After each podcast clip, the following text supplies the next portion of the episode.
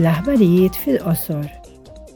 Għada, matul is-sessjoni plenarja, il-membri tal-Parlament Ewropew se jiddiskutu l-pożizzjoni tagħhom fuq ir-regoli l-ġodda dwar ir-reklamar politiku.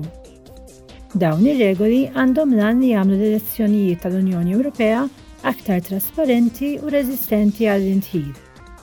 L-abbozz ta' test jitlob li ċ-ċittadini, l-awtoritajiet u l-ġurnalisti jkollhom disponibbli aktar informazzjoni.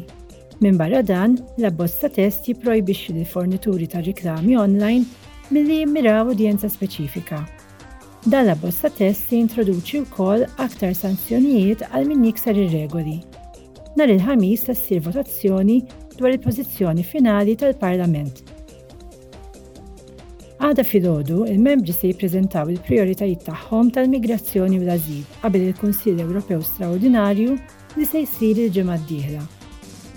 Id-dibattitu se jiffoka fuq il-progress tal-proposti leġislattivi li jinsabu fil-Patt dwar il-Migrazzjoni u l-Ażil, kif ukoll fuq l-istrateġija li tiffaċilita r-ritorn ta' persuni li m'għandhomx id-dritt li jibqgħu fl-Unjoni Ewropea.